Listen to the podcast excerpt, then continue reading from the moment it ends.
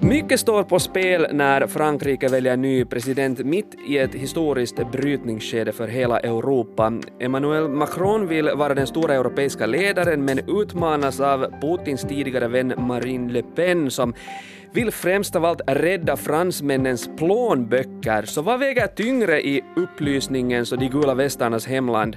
Den europeiska demokratin eller den egna ekonomin? Det här ska vi diskutera här i nyhetspodden med mig Johannes Taberman och med mig har jag statsvetare Benedikt Berner Eide. Välkommen hit.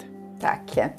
Eh, länge förutspådde många att Macron skulle ta en lätt promenadseger och få fortsätta som president i fem år till, i synnerhet efter att kriget i Ukraina bröt ut. Men nu är det långt ifrån klappat och klart. Efter första valomgången så förutspås nu en väldigt jämn kamp mellan Macron och Le Pen. Vissa prognoser säger att det kan bara skilja dem med några procent. Eh, varför har det här presidentvalet blivit en så stor rysare plötsligt? Ja, jag tror att det är olika skäl för detta här. Först och främst så kom ju Macron sent in i kampanjen. Eh, mycket på grund av kriget, men eh, det är inte en tillräcklig förklaring. Han kom för sent in och när han kom in i kampanjen så gjorde han faktiskt en ganska dålig kampanj. Han förklarade inte tydligt liksom vilken typ av reformer han skulle göra. På den andra sidan så var Marine Le Pen, hon vann ju på Zemmours radikalism. Så Marine Le Pen såg plötsligt ut som nästan en mittenperson. Det, det kunde nästan vara normalt att rösta för henne. Och hon gjorde en mycket bra kampanj. Hon började redan i höstas, hon gick överallt i Frankrike med sina bussar och hon talade hela tiden om köpkraften. Och när man såg på eh, liksom opinionundersökningar i Frankrike så såg man att liksom, köpkraften var det som stod högst på eh, franskmännens agenda. Och det förstod hon och hela kampanjen hennes var baserad på det. Hon, hon drev bort diskussionen från kriget för att ta det över till köpkraften. Så man kan säga liksom att, att Marine Le Pen har varit ute bland folket och liksom, äh, haft en känsla för vad det franska folket, en stor del, verkligen liksom oroar sig för medan äh, Macron har varit upptagen med att föra samtal med Putin. Ja, precis lite grann. Och så har det ju då också att göra med liksom hur Macron har varit som president. Ehm, han har utövat eh, presidentmakten på ett väldigt vertikalt sätt och skulle jag säga också på ett väldigt ensamt sätt. Så man har sett detta här som ett väldigt personaliserat sätt att utöva makten och arrogant. Så man har talat mycket om honom som liksom den monarklikande presidenten. Och det är klart att när man har gått igenom så många kriser som Frankrike har gått igenom eh, under liksom Macrons mandat med de gula västerna, med covid, nu med kriget. Så den där känslan att man har haft en president som inte har lyssnat på folket, mm. inte har hört deras problem, det har nog spelat en stor roll. Ja, Macron delar väldigt starkt åsikter och, och de som inte tycker om honom associerar ju honom väldigt mycket liksom med elitism, men vad skulle du säga, är, är liksom hans politik elitistisk eller är det mera bara främst hans person? Ja, det är nog kanske främst hans person, för hans politik har nog varit både och. För när man ser på hans politik på det ekonomiska planet så har han minskat arbetslösheten på ett väldigt tydligt sätt i Frankrike. Den har aldrig varit så låg, den ligger på 7 procent. Han har skapat mycket mer flexibilitet på arbetsmarknaden. Det har ju skapats en miljon företag under hans mandat. Ehm, köpkraften har också gått upp, men trots det så har man sett honom som liksom det där presidenten för, för det rika. Och det har, liksom, det har lämnat spår. Det man måste förstå i Frankrike det är att klyftorna har ju ökat. Det finns ju på så sätt två Frankrike och det var ju det som de gula västerna eh, visade och han har inte klarat att tala till det andra Frankrike.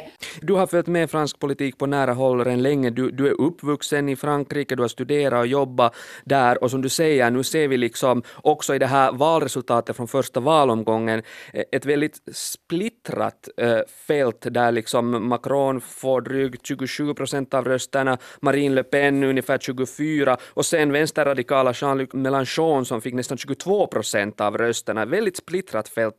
Vad berättar det här om Frankrike idag?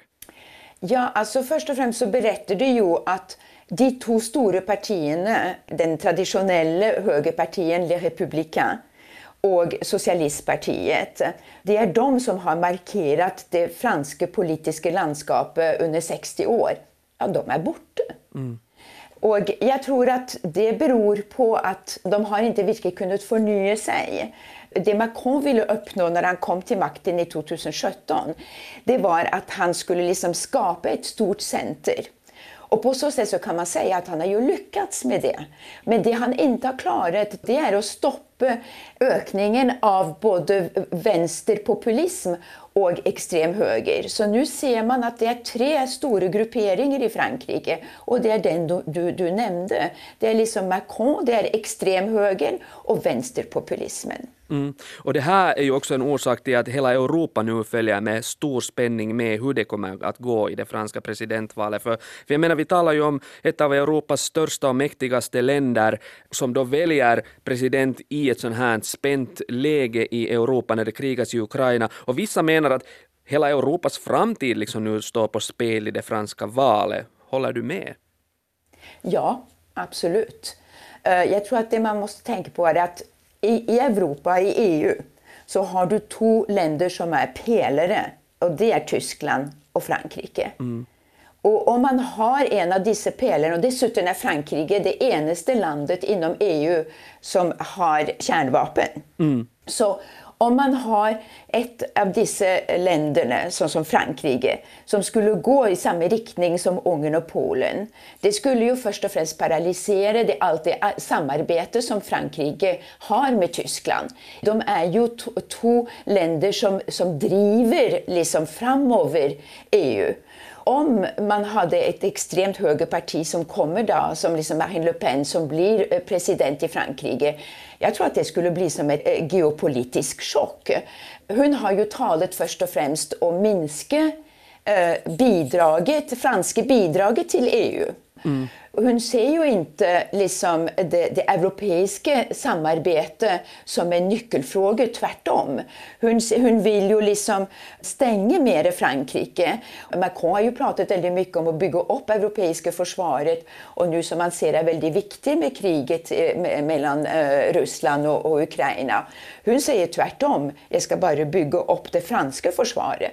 Så det är liksom två totalt olika visioner om Frankrikes roll inom Europa och vilken roll Europa också ska ha. Mm. Och här kan man ju tänka sig att, att, att, Putin säkert skulle fira med champagne om, om Le Pen skulle väljas till president, för då skulle, skulle väl hela den här eh, västs enade front mot Putin och Ryssland börja spricka. Ja, absolut. Och man får inte liksom eh, missförstå eh, Marine Le Pens position när det gäller Ryssland. Eh, hon har ju alltid varit väldigt nära eh, Putins eh, positioner. När det gällt Krim så sa hon att ja, men det är väl naturligt att Ryssland tar tillbaka Krim. Krim har ju bara varit ukrainsk i 22 år. Och så sa hon ja, vi ska såklart ta emot också ukrainska flyktingar. Och det var där hon vann över Zemo. Så men där kunde man missförstå och tro att jaha, hon har vänt sin position när det gäller Putin. Så är faktiskt inte fallet. För när man lyssnar mer på vad hon har sagt så säger hon faktiskt att om hon blir president så kommer hon till att öva mot att sanktioner lyftes. Mm. Som sagt, Krim är ingen problem för henne och hon tycker att ukrainarna ska liksom gå på de lösningarna som Ryssland har föreslagit. Så där har man, liksom, man har en, en helt annan attityd. Men hon är ju en skicklig populist och hon, hon kan känna varifrån det blåser politiskt och därför så lämnar hon den där hårda invandringsfientligheten åt sidan och fokuserar istället på fransmännens oro över sina plånböcker och lyckades då också på något sätt skaka av sig stämpeln som Putins vän konstigt snabbt, men jag tänker liksom att nu när, när Le Pen ställs mot Macron i andra omgången kan vi vänta oss att Macron kommer att lyfta upp den här kopplingen betydligt mer mellan eh, Le Pens politik och, och Putin? Ja, det är möjligt att han kommer till att lyfta det mer, men jag tror inte att det är liksom huvudfrågorna han kommer till att lyfta. Mm. För det som är viktigt nu för honom nu, det är att han måste pröva att få med sig Mélenchons röster. Precis. Det är alltså vänsterpopulistiska partiet. Det är de som håller i nästa omval. Ja, vi talar om 22 procent som, av rösterna som precis, ska fördelas mellan... Precis. Den. Och där har ju Mélenchon gått ut igår kväll, hvor han sa väldigt tydligt, ge inte era röster till Marine Le Pen, men han sa inte, ge era röster till Macron. Mm. Så det betyder att allt beror ju på hur vänsterpopulistiska partier kommer till att, att, att, att rösta. Kommer de till att, att rösta då för Macron, för de tänker att ja, det är i alla fall, vi måste skydda Macron mot extremhögern. Eller kommer de till att tycka att vi kan inte rösta för Macron. Han har inte lyssnat på oss, han har inte förstått oss uh, på alla dessa år, vi tror inte på honom, så vi går inte och röstar alls. Och det är det som är faren för Macron. Och därför måste han koncentrera sig över faktiskt eh, det som oroar dem. Och det är köpkraften. Hur ska jag komma in på bostadsmarknaden? Hur ska jag få jobb? Alla dessa bekymren är där. Men eh, om jag nu lyssnar på dig så, så det som antagligen kan vara liksom väldigt avgörande nu för hur det går i presidentvalet nu i den här andra valomgången om två veckor. Det är inte kanske så mycket diskussionen om kriget i Ukraina och om Putin, utan det handlar om att Macron också börjar att få folket att lyssna och tala till dem om matpriser, bensinpriser och sådana saker som berör fransmännens vardag. För som vi ju har sett förut så stigande bensinpriser kan få en massiv protestvåg att flamma upp i Frankrike. Ja, absolut. Det är de frågorna som är viktiga. Och, alltså, han kommer till att tala om de frågorna på ett annat sätt än Marine Le Pen. Han kommer ju inte till att tala om de frågorna genom att vi måste stänga vårt samhälle och ha mer protektionist och sånt. Han kommer till att tala om detta här genom att vi måste skapa jobb. Frankrike har ju under de 30 sista åren förlorat många av sina industrier. Så han måste tala om det, att vi kommer till att omindustrialisera landet. Han måste liksom få bort den där rädslan och, och, och, få folk till att känna att ja, jag är er president, jag har förstått vad ni är bekymrade över och jag ska skydda er. Macron är fortfarande knapp favorit, men om Le Pen ändå skulle bli president, en hur stor chock skulle det här vara för Frankrike och hela Europa? Ja, hela Europa har jag ju redan talat mm. om. Jag tror att det blir ett enormt chock. Två veckor eh, av eh, heta valdebatter och kanske nya skandaler väntar nu. Hur tror du att det kommer att gå? Vem blir president? Gud, vilken fråga.